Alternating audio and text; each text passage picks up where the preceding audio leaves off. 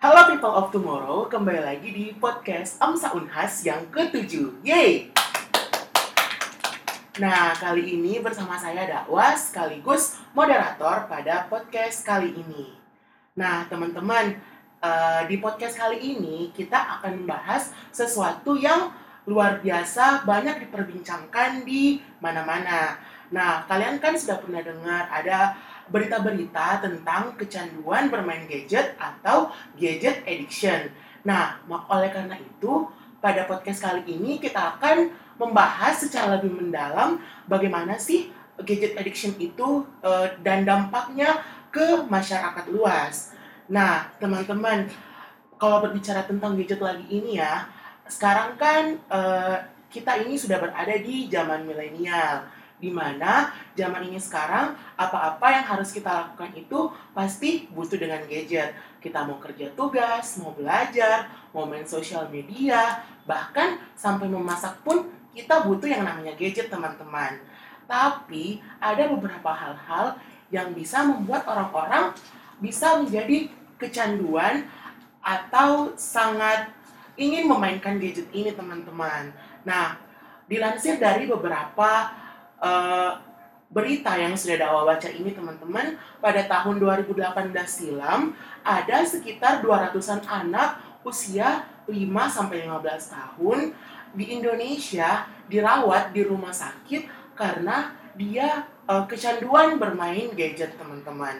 Nah, uh, uh, selain dari berita itu mungkin teman-teman semua ini punya kenalan atau mungkin teman juga yang kalau misalnya tidak bawa HP ke sekolah atau mungkin tidak bawa HP ke kampus, dia itu bisa jauh lebih sensitif dari biasanya atau mungkin uh, dia itu lebih uh, sering gemeteran atau begitu atau hal-hal lain lah yang membuat dia beda dari biasanya. Itu adalah mungkin salah satu tanda dari gadget addiction ini teman-teman.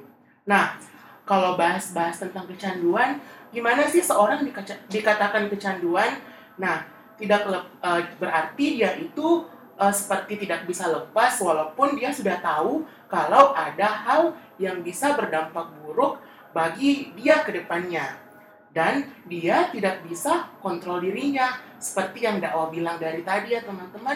Kalau misalnya ada teman-teman kita HP-nya ketinggalan mungkin dia akan lebih sensitif dari biasanya atau mungkin dia uh, lebih panik atau mungkin dia lebih suka marah-marah dari biasanya.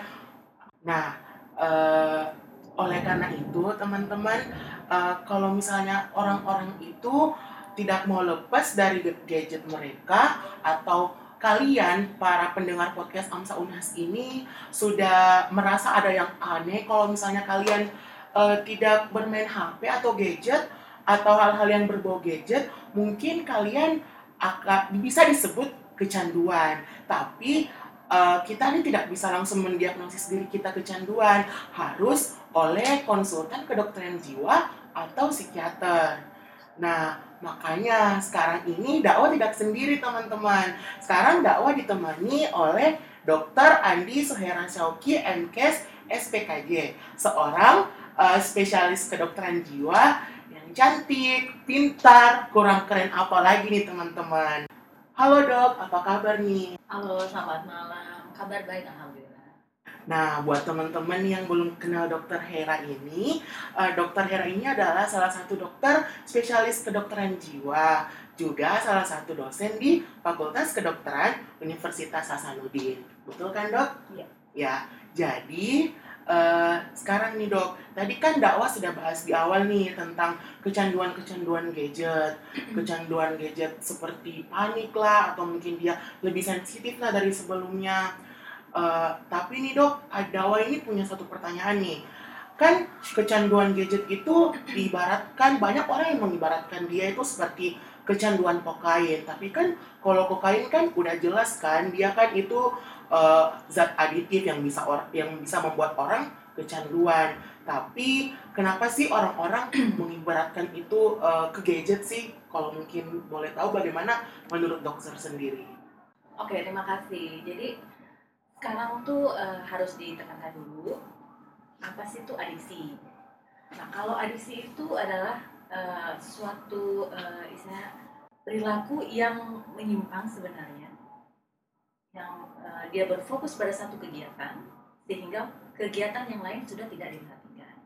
Jadi misalnya kegiatan seperti kegiatan sehari-hari misalnya ADL-nya aktif di living misalnya mandi, tidur, makan, atau interaksi sosial misalnya dengan teman sebaya itu biasanya kita sebut dikatakan adiksi atau kecanduan.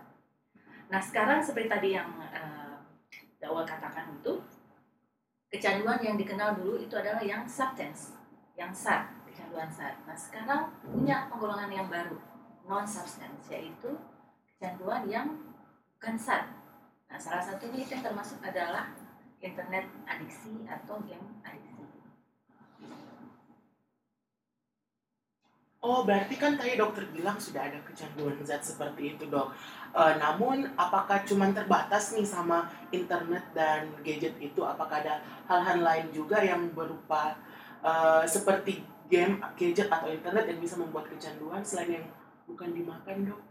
Iya, benar. Jadi e, makanya sekarang itu menurut DSM 5 sedangkan dan sekarang kita pakai DSM 5 ya untuk e, penggolongan Sedangkan untuk uh, di Indonesia kita masih pakai ICD-10 karena yang di uh, Amerika itu masih direvisi ICD-11-nya. Mereka sudah menggolongkan bahwa ada adiksi yang bukan masuk golongan SAT itu tadi. Jadi sekarang itu sudah ada dua. Jadi adiksi karena SAT dan yang bukan SAT. Nah yang bukan SAT itu yang termasuk adalah internet adiksi atau game adiksi yang sekarang lagi tren ya. Uh, kalau boleh tahu lagi dok, uh, gadget itu kan barang kecil ya dok. Uh, internet juga itu kalau bisa dikatakan uh, memang luas, tapi itu uh, itu juga termasuk dalam barang kecil dok. Tapi dia juga itu tidak mengandung zat adiktif atau aditif. Uh, tapi kenapa sih uh, ini gadget ini bisa dikatakan orang bisa adiksi karena gadget? Ya, uh, pengertiannya gadget sebenarnya adalah bukan hanya uh, smartphone ya.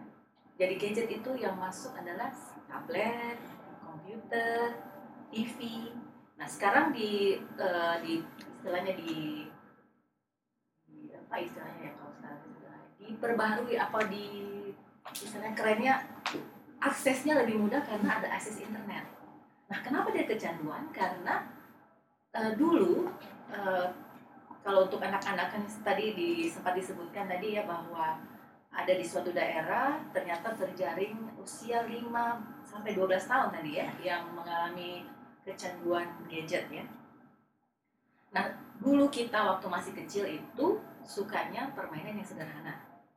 Nah, sekarang zaman sekarang itu anak-anak udah udah nggak suka tuh permainan yang sederhana. Sekarang anak-anak lebih suka permainan yang lebih atraktif, yang menarik. Jadi biasanya sekarang yang lebih menarik yaitu tadi nonton via gadget. Nah, jadi itu. Tadi juga dokter bilang kalau uh, uh, kita kembali nih ke masa lalu. Uh, apa dulu ada kecanduan permainan seperti sekarang ini kan seperti yang kita ketahui dulu kan hanya main uh, main permainan-permainan sederhana, main depan rumah, lari-larian gitu dok. Apakah juga dulu waktu uh, zaman ini belum seperti saat sekarang ini, apakah juga ada kecanduan seperti itu? Ya, uh, jadi dulu kita nggak mengatakan bahwa kita suka suatu permainan, misalnya dulu main gundu ya, main itu berjam-jam kita nggak bilang itu kecanduan. Nah, karena uh, permainan yang dulu itu melibatkan lingkungan sekitar gitu ya interaksi dengan sekitar. Jadi ada uh, kemampuan motorik motorik.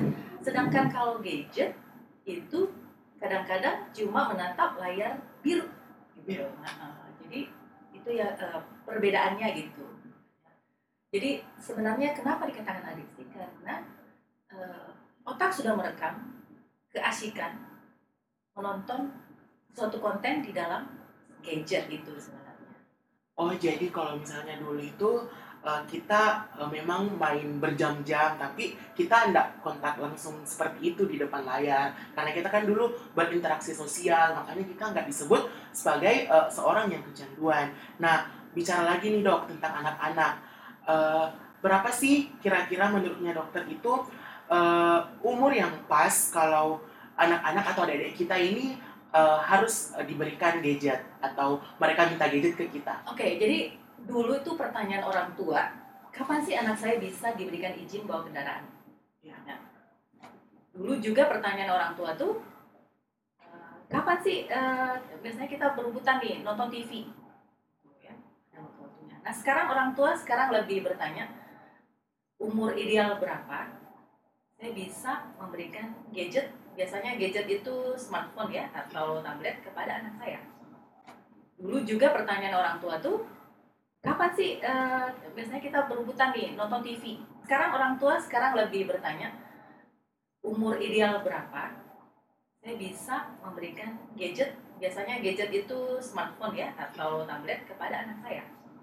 Kalau dari penelitian, kemudian yang paling banyak idealnya adalah kita memberikan gadget itu pada anak yang sudah kita pikir dia cukup bisa bertanggung jawab dan dewasa terhadap gadgetnya.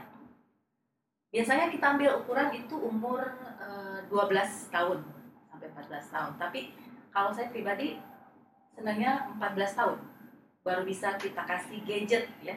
Langsung kita serahkan kamu bisa punya nih gadget handphone misalnya atau tablet. Karena kita sudah berpikir umur segitu dia sudah bisa mempertanggungjawabkan dan cukup dewasa untuk menjaga gadgetnya itu. Karena smartphone atau gadget itu kan harganya nggak nggak murah ya. Uh, uh, jadi gitulah sekitar 14 tahun idealnya. Tapi nih dok misalnya uh, uh, uh, umur umur 8 tahun lah atau umur 9 tahun. Terus dia itu uh, lihat teman-teman atau lihat orang-orang di sekitarnya uh, main gadget terus dia merengek-rengek terus itu kan kalau misalnya kita nggak kasih uh, gadget atau apa pun yang dia minta itu kan bakal uh, kembali lagi ke uh, orang tuanya atau kembali lagi ke kondisi anaknya. Apakah mungkin anaknya akan berpikir wah orang tua saya tidak sayang sama saya. Bagaimana sih menurutnya dokter kalau begitu? Anak-anak sudah berpikiran seperti itu di usia 8 sampai 9 tahun. Iya, betul betul. Jadi sekarang uh, kecenderungannya bahwa orang tua sering uh, isinya permisif terhadap gadget. Uh, uh, ya. Jadi uh, padahal sebenarnya itu ada umur-umur tertentu yang tidak boleh diberikan gadget. Jadi uh, kalau misalnya uh, batasan ya umur usia kalau usia 0 sampai 2 tahun itu tidak boleh diberikan gadget. Kenapa? Karena usia tersebut itu perlu interaksi dengan lingkungan sekitar. Jadi kalau dia udah kena gadget, otomatis uh, interaksi dengan lingkungan sekitar itu pasti uh, terganggu. Apalagi pada saat umur uh, eh, 0 sampai 2 tahun itu perkembangan otaknya itu sangat pesat. Jadi ditakutkan ada uh, apa istilahnya gangguan nanti ke depannya. Sedangkan umur uh, 4 sampai 6 tahun biasanya boleh kita berikan gadget. Ini boleh diberikan tapi tidak memiliki ya boleh diberikan hanya sebagai orang tua punya kendali durasi waktu. Jadi memang orang tua memang harus punya kendali di sini. Sedangkan di atas uh, eh, 6 atau 7 tahun biasanya memang uh, problem sekarang itu di sekolah, saya anak-anak bilang mengatakan bahwa teman saya kok udah dikasih, saya kok nggak boleh sama orang tua. Nah itu kembali ke orang tua masing-masing. Jadi memang uh, kalaupun diberikan hanya kita berikan dulu yang uh, tidak ada uh, istilahnya akses internet. Jadi dia dibiarkan belajar untuk bertanggung jawab pada gadgetnya, misalnya diberikan istilahnya uh, uh, apa, handphone yang cuma bisa bernelpon dan mengirim pesan gitu. Kalaupun diberikan atau dipinjamkan gadget dari orang tua, ada waktu-waktu tertentu misalnya. Jadi misalnya weekend durasinya maksimal satu jam. Betul-betul kendali dari orang tua. Nah uh, bicara yang lain lagi nih dok. Uh, ada banyak sekali data yang menunjukkan kalau misalnya uh, tingkat uh, kecanduan gadget di anak-anak itu sangat tinggi. Uh, jadi apakah sebaiknya kita berikan kepada anak-anak kita ini uh, gadgetnya itu saat usia 4 12 14 tahun atau mungkin saat dia sudah memang mengenali bagaimana sih dirinya dia istilahnya dia sudah dewasa. Apakah eh, dia itu bisa diberikan gadget pada umur segitu? Ya, jadi kembali lagi ke definisi gadget itu bukan cuma smartphone. Nah, jadi dia termasuk eh, tablet, komputer, TV itu termasuk gadget ya. Nah, apakah bisa kita berikan kepada anak sebagai salah satu eh, bentuk hiburan? Tergantung ya tujuannya untuk memberikan hiburan apa dulu. Kalau sebenarnya kan eh, akses eh, gadget dengan eh, kemudahan akses internet itu ada manfaat positifnya, ada negatifnya. Nah sebenarnya yang kita mau ambil sebenarnya adalah manfaat positifnya. Yang kita takutkan adalah manfaat negatifnya. Nah kalau kita misalnya mau ambil manfaat positifnya silahkan. Misalnya umur 4 atau 6 tahun kita mau mengenalkan misalnya warna atau bentuk. Boleh kita carikan eh, misalnya konten dalam aplikasi itu eh, yang berupa itu mengajarkan warna, bentuk, supaya dia bisa mengenali. Gitu. Boleh, silahkan. Tapi orang tuanya mengetes dulu nih apa nih bagus ya. Misalnya, biasanya di aplikasi itu yang berbayar itu mungkin lebih bagus daripada yang free ya. Biasanya karena lebih banyak eh, saya rasa konten-konten yang berbayar itu mungkin lebih ini. Tapi kembali lagi orang tua, apakah eh, mau memberikan atau tidak, disilahkan. Hanya tetap orang tua memegang kendali. Jadi ada faktor durasi waktu, batasan waktu, berapa lama dan kapan diberikan gadget. Jadi gadget bukan cuma smartphone, bukan cuma eh, tablet, TV pun juga seperti itu. Jadi manfaatnya sebenarnya banyak. Jadi sebenarnya yang kita mau ambil kalau misalnya di TV ada eh, misalnya di TV berbayar, kita mau ajari anak bahasa Inggris. Nah, di situ ada eh, misalnya eh, tayangan yang mengajarkan bahasa Inggris. Silakan. Dan tetap ada orang tua. Nah, eh, tadi kan kita sudah masuk di fase anak-anak. Kalau misalnya kita beralih nih ke masa remaja. Nah, gimana sih dok kalau misalnya ada teman-teman nih pendengar podcast Amsa Unhas. Terus sekarang dia itu eh, sudah sangat har- berhari-hari eh, menyentuh gadget. Terus dia eh, merasa kalau dia ini sepertinya sudah kecanduan nih dengan gadget ini. Apakah ada gejala-gejala nih atau gejala utama yang bisa dia ketahui sendiri apakah dia sudah kecanduan atau tidak dengan gadget ini dok? Hmm. Ya, sebenarnya bagus banget ya ini Eh, bahwa kapan sih kita dikatakan kecanduan gadget padahal kita ini udah misalnya dibilang dewasa gitu. Biasanya orang yang dengan kecanduan itu tidak menyadari bahwa dirinya kecanduan. Biasanya orang sekitarnya yang mengatakan, "Eh, kamu kayaknya kecanduan deh. Kayaknya kamu eh, ini. Jadi kembali lagi ke definisi, kapan sih kita kata kecanduan? kalau dia sudah tidak bisa berinteraksi sosial dengan eh, lingkungannya, jadi lebih banyak menghabiskan waktu dengan gadgetnya itu. Dipanggil makan nggak turun, nggak mandi, nggak membereskan kamarnya, gadgetnya aja terus diurusin. Gitu. Adapun juga eh, apa namanya pengalaman eh, seorang mahasiswa tuh tidak tinggal serumah dengan orang tuanya, jadi jauh nih ceritanya. Jadi dia berikan uang saku nih. Nah, si orang tua kaget uang saku yang lumayan eh, besar ya biayanya kok bisa habis dalam waktu empat hari gitu ya misalnya tuh hari 1,2 lah ya kok bisa habis dalam empat hari ini main aja ternyata waktu dicek ke kamar kosnya. Ternyata kartu-kartu kuota itu banyak. Kemudian kamarnya berantakan udah nggak mandi pakaian kotornya numpuk dan pasti makan atau tidur pun pasti terganggu. Kadang-kadang eh, orang sekitar yang melihat bahwa dia ternyata kamu nih udah lain gitu ya. Nah, jadi memang kecanduan hanya terfokus pada kegiatan itu. Gitu. Berdasarkan pengalaman yang tadi nih dok, kan eh, di pengalaman itu katanya anak ini nggak tinggal bareng sama orang tuanya. Apakah ada perbedaan eh, kalau misalnya dia sudah kecanduan gadget dengan dia tinggal dengan orang tua dan dia tidak tinggal dengan orang tua?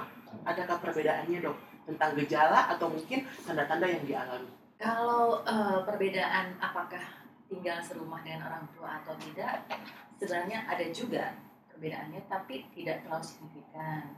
Yang paling memang eh, berpengaruh adalah kendali dari diri sendiri sebenarnya. Karena orang tua mengendalikan misalnya biarpun serumah tapi kalau kendali diri sendiri pun juga tidak kuat, tidak bagus, tetap aja bisa. Jadi edit gitu ya, gadget. Sama sekali sih kurang besar sih enggak terlalu signifikan. Memang tergantung sama pribadinya sendiri kendalinya karena orang yang sudah kecanduan itu memang sudah terganggu di otaknya. Khususnya di prefront eh, di prefrontal cortexnya. Itu yang mengendalikan impuls dorongan tuh. Nah, teman-teman, eh, tadi te- tentang penjelasan dokter itu kembali ke diri kita pribadi masing-masing. Jadi, bagaimana sih pintarnya teman-teman itu mengatur dirinya supaya teman-teman itu nggak terlalu monoton deh sama gadgetnya. Mungkin teman-teman bisa lakukan hobi yang lain. Mungkin teman-teman yang hobi menulis bisa menulis. Teman-teman yang hobi masak bisa pergi masak di dapur. Eh, luangkanlah sedikit waktunya teman-teman seharian itu tanpa bermain gadget. Karena itu kan eh, kalau misalnya teman-teman sudah terlihat beda dari orang orang lain pasti ini teman-teman bakalan dianggap nih sama orang lain kalau teman-teman ini teredik sama gadget ini teman-teman. Eh, kalau boleh nanya lagi nih dok ada nggak sih eh, pengalaman dari dokter pribadi nih sebagai seorang dokter kedokteran jiwa? Eh, mungkin pas dokter punya pasien eh, orang yang sudah kecanduan bermain gadget ini dok. Tapi dia tidak merugikan dirinya sendiri di sendiri. Malahan eh, dia merugikan eh, orang-orang di sekitarnya. Mungkin eh, awalnya hanya dia nih yang kecanduan gadget tapi lama-lama berdampak nih ke teman-teman sekitarnya yang dia temani. Ada nggak sih kasus seperti itu dok? Ya kalau kasus eh, biasanya eh, agak jarang kita temui biasanya biasanya stigmanya paling lama paling telat pasti ke psikiater ya. Jadi ada kasus bahwa eh, dia memang kecanduan game online. Gitu. jadi eh, kadang-kadang memang sekarang orang tua tidak menyadari bahwa ternyata anaknya kecanduan game. Jadi anaknya cuma mengurung diri di kamar dipanggil makan nggak turun berapa kali disuruh mandi nggak mandi gitu ya. Jadi memang pasti pengaruhnya ke lingkungan sekitar nah di bawah ke psikiater itu karena eh, keluarganya merasa ini anak kok tidurnya kurang gitu ya. Ada gangguan tidur. Ternyata dicek ke belakang ternyata dia memang seneng banget main game online. Kalau eh, misalnya di apa istilahnya dipindahkan eh, kecanduan ke game online ke temannya saya rasa enggak ya karena biasanya orang yang eh, kecanduan game online itu mendapatkan merasa nyaman mendapatkan teman di dunia maya daripada dunia nyata Nah, dok, Dawa punya pertanyaan lagi nih dok. Eh, kalau misalnya eh, ini orang lain sudah mengatakan ke kita, nih kamu nih sekarang sudah kecanduan gadget atau nah, dan kita sudah tersadar nih, oh iya mungkin saya sudah kecanduan gadget, apakah saya bisa mengobatinya? Apakah ada obatnya dok kalau kita ini sudah kecanduan gadget? Ya, kalau dikatakan pengobatan untuk adiksi itu pasti ada ya. Yang pertama yang paling penting sebenarnya adalah menyadari bahwa diri saya mengalami kecanduan. Kalau misalnya dia belum menyadari, agak sulit kita mengobati gitu ya. Nah, jadi biasanya eh, klien atau pasien itu udah datang diantar oleh keluarganya. Wah ini keluar eh, anak saya misalnya ini kayaknya eh, udah lain nih ada perubahan perilaku biasanya.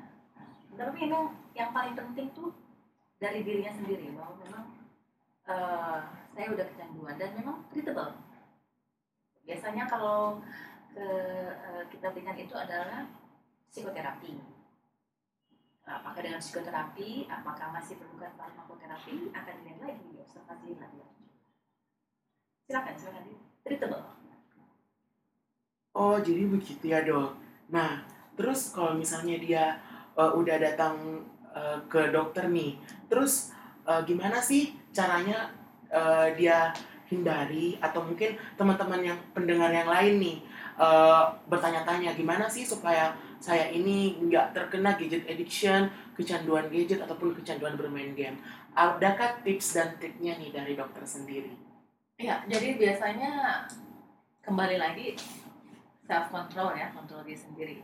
Jadi kita harus pintar-pintar itu bagi waktu sebenarnya. Ada waktu bebas gadget gitu.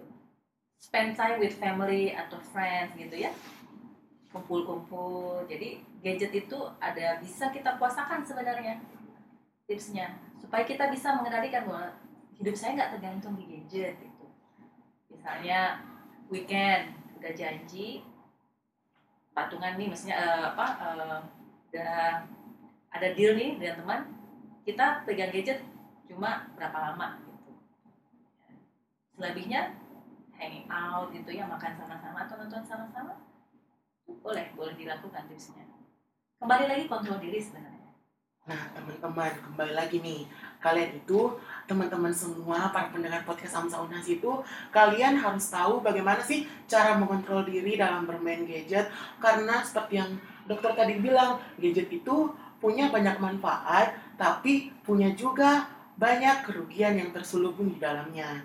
Jadi teman-teman, uh, kalau uh, misalnya sekarang ini uh, sangat rajin bermain handphone, ayo deh teman-teman sekalian ini mungkin bisa cari kegiatan lain atau hobi-hobi yang lain. Ada banyak kok hobi-hobi yang bisa kita kerjakan uh, di masa muda kita sebagai seorang yang milenial. Uh, nah, tak terasa nih dok, uh, sudah uh, waktu berbincang-bincang kita ini sudah cukup panjang dan ada banyak sekali informasi dan ilmu-ilmu baru yang dokter sampaikan kepada kita semua para pendengar podcast Amsa Unhas sekarang. Terima kasih banyak atas ilmunya dok. Semoga teman-teman uh, para pendengar ini paham bagaimana sih sebenarnya kalau mereka itu kecanduan gadget, bagaimana sih sebenarnya mereka harus mengkontrol dirinya dalam bermain gadget bisa dengan melakukan hobi, uh, kita yang bareng orang tua, kita yang bareng teman-teman. Pokoknya banyak deh hal-hal yang bisa kita lakukan agar supaya kita bisa memuasakan atau mempuasakan gadget ini uh, dari kita pribadi. Nah, kalau memang nih teman-teman ada dari teman-teman sekalian yang merasa, waduh, sekarang mungkin dari tanda-tanda yang dokter tadi sudah bilang, saya ini sudah merasa kecanduan ya akan gadget. Mungkin bisa nih uh, calling-calling lah sama dokter Suhera. Mungkin dok uh, bisa di uh, beritahu dok gimana nih alamat prakteknya dokter Hera. Siapa tahu ada dari teman-teman uh, pendengar nih yang mau konsultasi ringan lah bareng dokter Hera. Ya, uh, untuk ini saya uh, kebetulan memegang bagian konseling di Fakultas Kedokteran, jadi silahkan menghubungi di bagian konseling, boleh silahkan japri ke nomor saya, silahkan. Nah, teman-teman, uh, kalian yang mau konsultasi bisa langsung ke bagian konseling di Fakultas Kedokteran Unhas, uh, juga bisa uh, japri Dokter Hera kalau misalnya kalian mau konsultasi-konsultasi bareng Dokter Hera.